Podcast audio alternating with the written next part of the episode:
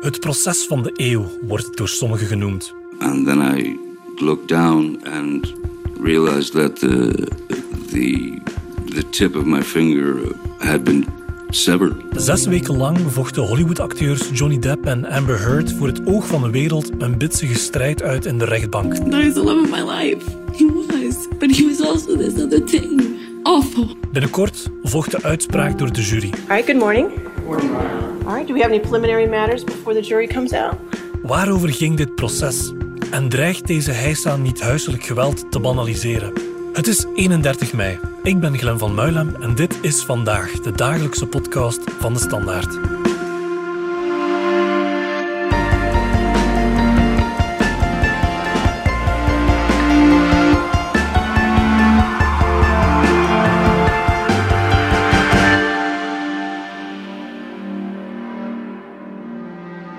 Survived that man and I'm here and I'm able to look at him. This is a man who tried to kill me.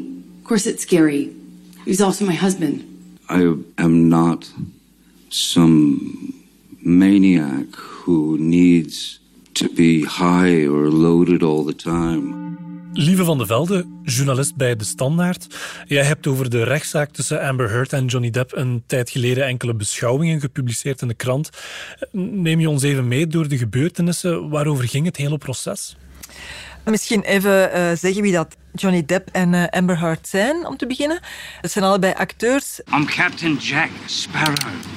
Savvy. All right, take what men we have left and form a phalanx around the mother box. Johnny Depp is de meest bekende, degene die ook in de grootste producties heeft gespeeld, uh, met de grootste fanbase. Bekend van Edward Scissorhands jaren geleden en de laatste jaren vooral van uh, Pirates of the Caribbean waar hij Jack Sparrow speelt, de charmante en minder charmante, op bepaalde momenten piraat. En ze hebben elkaar leren kennen op de set van uh, Rum Diaries. En daar hadden ze voor elkaar ook gevoelens ontwikkeld, zei hij later onder de douche, in een douchescène. Maar toen hadden ze allebei nog een relatie. Later, een paar jaar later, zijn ze elkaar opnieuw tegengekomen. Toen waren ze single en zijn ze iets begonnen. Daarna zijn ze getrouwd en, en zij heeft de scheiding aangevraagd omdat ze uh, vond dat ze slachtoffer was van fysiek geweld. Hij heeft ook een contactverbod gekregen toen. Oké, okay, en, en waarover gaat het hele proces dan precies? Het is eigenlijk een proces wegens smaad reputatieschade. Depp heeft uh, Amber aangeklaagd uh, naar aanleiding van een opiniestuk dat zij geschreven heeft in de Washington Post een paar jaar geleden, waarin ze uh, zichzelf profileerde als een activiste tegen huiselijk geweld. In dat stuk had ze het over het feit dat ze als ze jong was al met huiselijk geweld is geconfronteerd. Ook als tiener met seksueel geweld, maar zich nooit slachtoffer voelde. Maar dat ze de laatste twee jaar dat wel heeft en zich ook wel zo uh, naar de buitenwereld durft te uiten, omdat ze nu ook die activistische positie heeft eigenlijk. Ze heeft geen naam genoemd in dat stuk, maar afgaande op de timing en de twee jaar terug en zo, zegt Tep, het kan alleen maar over mij gaan, dus dit is iets wat ik aanvecht. Ik heb haar nooit uh, geslagen of mishandeld. The opinion piece doesn't contain any details of your time together, correct? I, I think it's very easy to write a piece and put the finger on someone without saying their name. Dus hij eist nu van haar in het proces 50 miljoen dollar. Waarop zij zegt, ja, als jij dat doet, dan noem je mij een leugenaar en dan eis ik van jou 100 miljoen dollar. Dus ze staan eigenlijk als twee partijen in een burgerlijk proces. Het proces was zowat overal de voorbije weken. Maar er zijn wellicht luisteraars die dat proces niet hebben meegevolgd. Die moeten nu allemaal het gevoel hebben dat ze enorm achterlopen. Kan jij even bijspijkeren? Wat is de wereld allemaal te weten gekomen? Ja, heel veel en uh, ook heel veel niet. En heel veel dingen waar je je ook vragen blijft bij stellen, want het is allemaal heel onduidelijk. Ook omdat je nooit echt goed weet wat is nu waar, wat is nu niet waar. Ze hebben allebei verschillende versies van dezelfde feiten. Maar er zijn wel een aantal verhalen die uh, een eigen leven zijn gaan leiden. En die zo hilarisch of dramatisch zijn, gelang hoe je het bekijkt, uh, dat je het bijna niet kan geloven. Dus uh, er is het, het verhaal van het vingertopje van Johnny Depp. She then grabbed that bottle and threw that at me. I honestly didn't, I didn't feel the pain at first at all. I felt no pain whatsoever. I felt heat and I felt um, as if something were dripping down my hand, you know. I, I don't know what a nervous breakdown feels like. But that's probably the closest that I've ever been. Dat uh, in Australië, toen ze uh, bij een ruzie elkaar begonnen te kogelen met van alles en dat hij een uh, vodkafles tegen zijn vinger kreeg en daardoor een stukje van zijn vingertop is kwijtgeraakt. Dat is uh, een van de grote verhalen. Het verhaal van de vodkafles waar hij dan uh, haar mee zou verkracht hebben, dat is ook zo'n verhaal. You were penetrated up the vagina into the pubic bone, is that correct? Objection, Your Honor. Leading. Sustained. What, if any, penetration was there in your vagina? With the bottle. I can't believe I'm so sorry. To do this. I am so sorry. Johnny had the bottle inside of me and was shoving it inside of me over and over again. Er is heel veel uh, sprake van geweld, elkaar slaan. Hij ook uh, slaan met kastdeuren op zoek naar drank en drugs. Er is heel veel drugsgebruik en drankgebruik. Je hebt ook scènes waarbij dat, je ziet hoe hij, uh, dus er wordt dan getoond in de rechtszaal, scènes die zij heeft opgenomen, clandestien met haar telefoon, waarbij je ziet dat hij de kasten uh, begint dicht en open te slaan en een groot glas wijn inschenkt voor zichzelf. Je hoort ook uh, discussies tussen hun beiden waarin uh, zij hem smeekt om hem niet te snijden, dat hij zichzelf niet zou verminken. En dan de meest hilarische, de meest tot de verbeelding sprekende en de meest zotte scène is uh, die waarin Amber Heard naar Coachella vertrekt met een paar vrienden. En ehm, ja, eigenlijk ehm, haar uitwerpselen in zijn bed zou achtergelaten hebben. It's a photograph of the bed, our bed. Um, and on my side of the bed was human fecal matter. Wat zij ontkent. Want zij zegt, uh, het waren de hondjes. Je moet mij niet vals beschuldigen. Ze had zo twee kleine hondjes. Uh, and she tried to blame it on the dogs. Why didn't you? Why didn't you think it could have been the dogs? The dogs weigh. The, they're teacup Yorkies. They, they weigh about four pounds each. Waarop hij dan zegt, ja, ik ken die hondjes en die hondjes die doen dat niet op die manier. Uh, maar zij zou dan wel tegen een uh, bodyguard gezegd hebben dat het een uit de hand gelopen grap was. Maar het gaat natuurlijk ook over veel geld, over miljoenen dollars zelfs. Het gaat inderdaad over heel veel geld. Depp heeft bij de scheiding al 7 miljoen betaald. Die zou zij aan een liefdadigheidsdoel geven. Dat is nog niet volledig gebeurd. Daar zijn de advocaten van hem ook uh, tegen haar van leer getrokken, omdat ze zo haar ongeloofwaardigheid willen bewijzen. Maar zij zegt daarop dat het uh, geld dat ze daarvoor had voorzien nu nodig is voor de rechtszaak. In die rechtszaak vraagt hij 50 miljoen aan haar en zij 100 miljoen aan hem als tegeneis. Dus dat is al veel geld. What have you lost as a result of Miss Heard making these allegations against you? Nothing less than everything. Volgens hem is die 50 miljoen nodig om zijn schade te dekken die hij heeft geleden door rollen in uh, films die wegvielen. De derde Fantastic Beasts film, waar hij niet meer in meespeelt. Hij gaat er ook vanuit dat Disney de volgende Pirates of the Caribbean ook niet met hem gaat willen maken. Dus Johnny Depp heeft 50 miljoen dollar schadevergoeding geëist en Amber Heard vraagt dan op haar beurt 100 miljoen dollar. Waarom doet ze dat precies? Heard wil niet als leugenares bestempeld worden, wat ze wel zou zijn als ze haar opiniestuk niet als correct zou worden beschouwd en als, uh, als blaam voor, uh, voor Depp.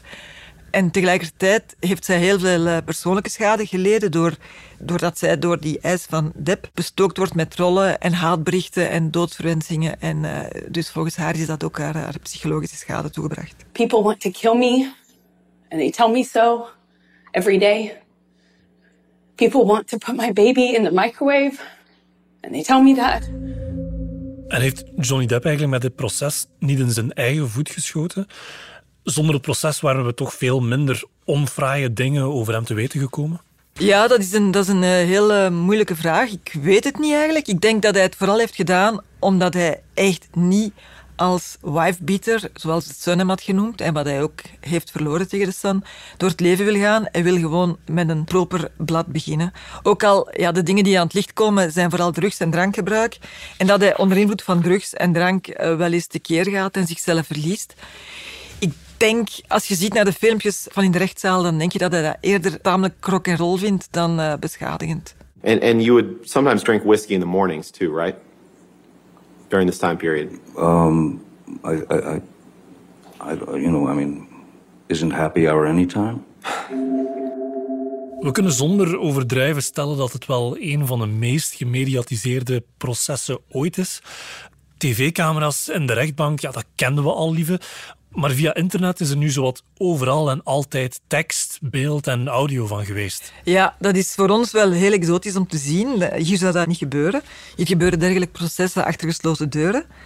In de Verenigde Staten heb je ook al O.J. Simpson gehad, Amanda Knox, ook wel twee heel gemediatiseerde processen. Maar Ghislaine Maxwell, de vrouw van Epstein, daar was het dan wel achter gesloten deuren. Het hangt een beetje af van staat tot staat. In eh, New York kan het bijvoorbeeld niet, in Virginia wel. De reden daarachter is dat door die camera's de transparantie van de rechtspraak groter wordt en dat de publieke druk op de rechtspraak belangrijker wordt en relevanter wordt. Maar tegelijkertijd zijn er ook vragen te stellen bij de privacy van wat er daar allemaal op tafel komt.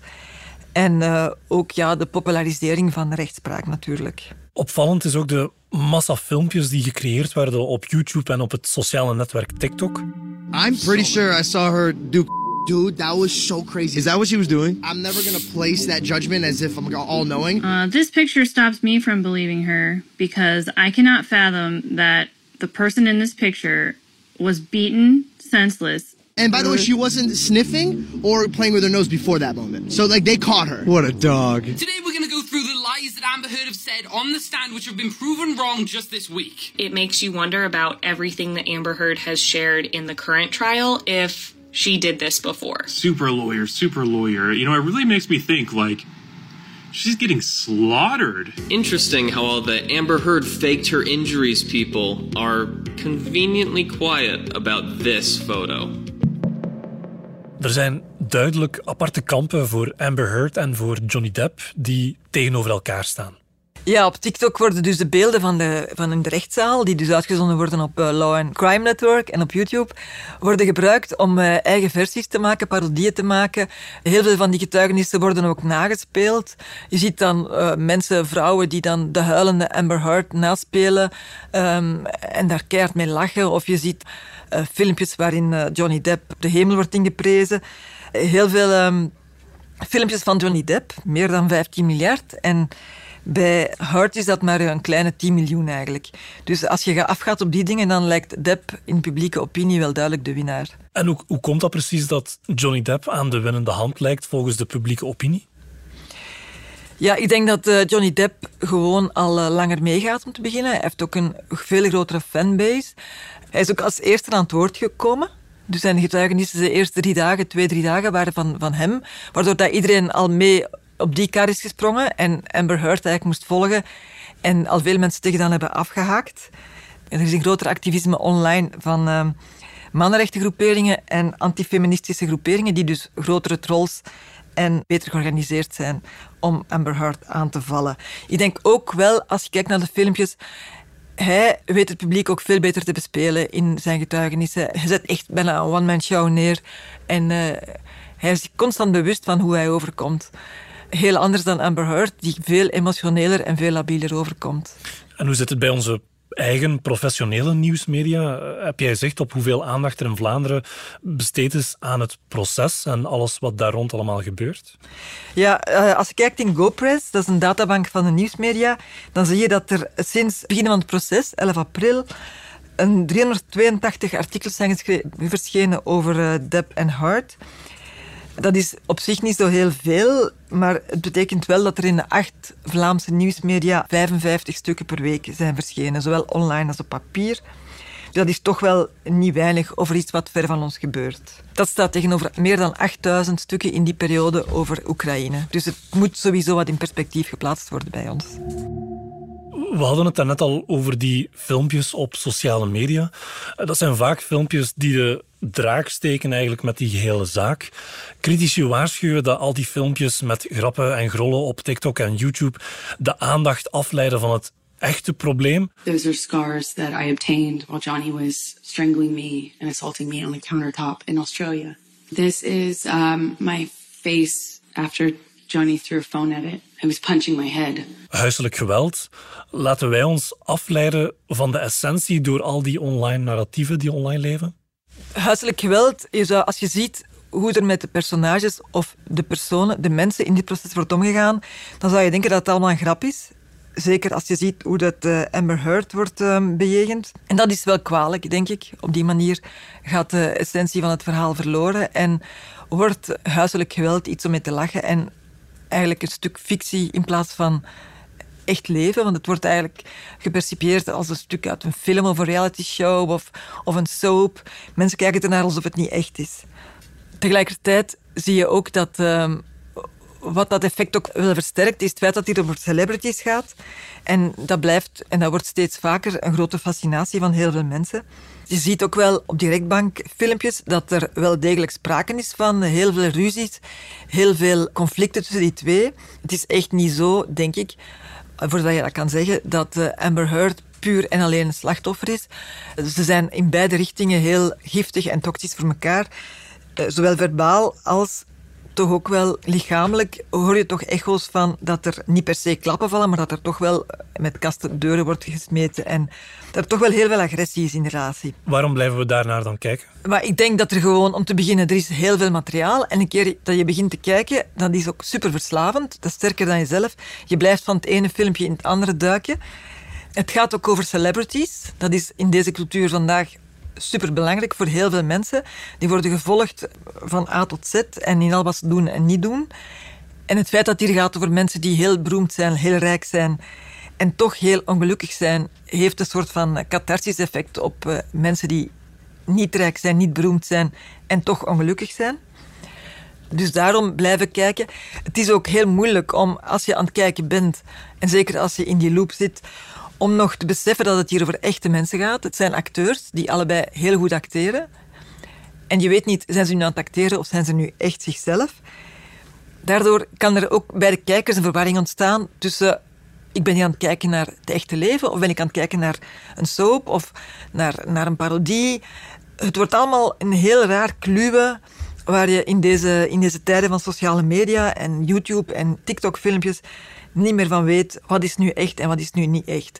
Zelf in Vlaanderen hebben we ook een traditie met uh, Temptation Island en op Netflix met uh, Love is Blind of The Ultimatum bijvoorbeeld, waar je gelijkaardige scènes ziet, mensen die over elkaar in een relatie dingen vertellen. En uh, waar je van weet van ja, dit is echt, maar dit is ook wel geanceneerd. En daardoor kijken we met een, een beetje een vertroebelde blik en een, een gedeconnecteerde blik naar dat soort scènes. En is huiselijk geweld nu door het proces meer op de kaart gezet in Amerika en misschien wel in de hele wereld? Dat vind ik een moeilijke vraag, omdat uh, ja, de impact van het proces gaat nu niet meteen te voelen zijn. Maar het is wel zo dat iemand die zegt dat ze slachtoffer is van huiselijk geweld, ziet huilen en echt ziet crashen in een rechtszaal. En als daar dan zogezegd grappige filmpjes van worden gemaakt, dat dat niet zo heel goed is voor mensen die ooit later met dezelfde klacht of dezelfde pijn zich willen uiten of naar voren willen komen, dat die daar toch gaan door afgeschrikt worden. En bang zijn dat ze ook trollen over zich gaan krijgen en toch belachelijk gaan gemaakt worden. Anderzijds is het wel zo dat uh, het is een thematiek die nu wel leeft en die ook ergens op de kaart is gezet. En niet alleen het feit dat eh, vrouwen slachtoffer kunnen zijn, maar ook dat mannen slachtoffer kunnen zijn. Want Johnny Depp beweert dat hij zelf ook slachtoffer is van huiselijk geweld. Dus dat is misschien wel qua sensibilisering en qua bekendheid van de problematiek misschien wel een goede zaak. Het is heel moeilijk te zeggen, te voorspellen. En als je die gebeurtenissen nu helemaal overschouwt, wat zegt die hele toestand over de wereld van vandaag? Wat mij vooral opvalt is de polarisering. Het denken in kampen. Dus je hebt uh, niet meer gewoon mensen die daar staan te pleiten voor hun geluk of voor hun leven of, voor of voor, om een bepaalde fase achter zich te laten je ziet gewoon dat er gespeeld wordt op twee kampen. Dat mensen gaan denken in kamp Deb en kamp Hurt. En dat is denk ik wel typerend voor onze wereld vandaag. Dat wij alle conflicten, alle dingen die gebeuren... Of misschien is alle een groot woord. Maar toch wel heel veel dingen die gebeuren... vrijwel automatisch gaan reduceren tot zwart, wit, ja, nee. Door die kampen, je ziet ook die fans, die fans van Depp en van Hurt, vooral de fans van Depp, dat die zich heel hard engageren voor hun idool. En eigenlijk niet meer zien of niet meer willen zien wat er eigenlijk echt aan de hand is. En daardoor krijg je een totaal gebrek aan nuance en empathie. Ook al weten we niet meer goed wat, wat waar en niet waar is. En dat is een ander, een ander element dat ook wel tekenend is voor vandaag. Wat is waarheid, wat is uh, niet waar, uh, fake, echt. Je weet echt niet meer wat je moet geloven, ook niet in dit proces.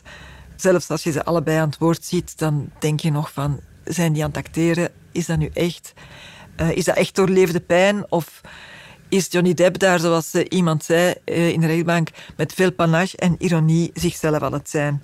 Maar we mogen niet vervallen in zwart-wit denken dus. Nee, dat denk ik niet. Ik denk dat het een verhaal is van twee mensen die een relatie hadden. En die relatie was niet hetgeen wat het best was voor hen allebei. Het maakte hen er niet beter op. Ze hebben het slechtste in elkaar boven gehaald. En wat er dan de essentie en de, en de finesses van zijn, ja, dat zullen vooral zij weten, denk ik. Of niet? Goed, lieve, dankjewel. Graag gedaan. Dit was vandaag de dagelijkse podcast van de Standaard. Bedankt voor het luisteren. Alle credits van de podcast die je net hoorde vind je op standaard.be/slash podcast. Reageren kan via podcast.standaard.be. Morgen zijn we opnieuw.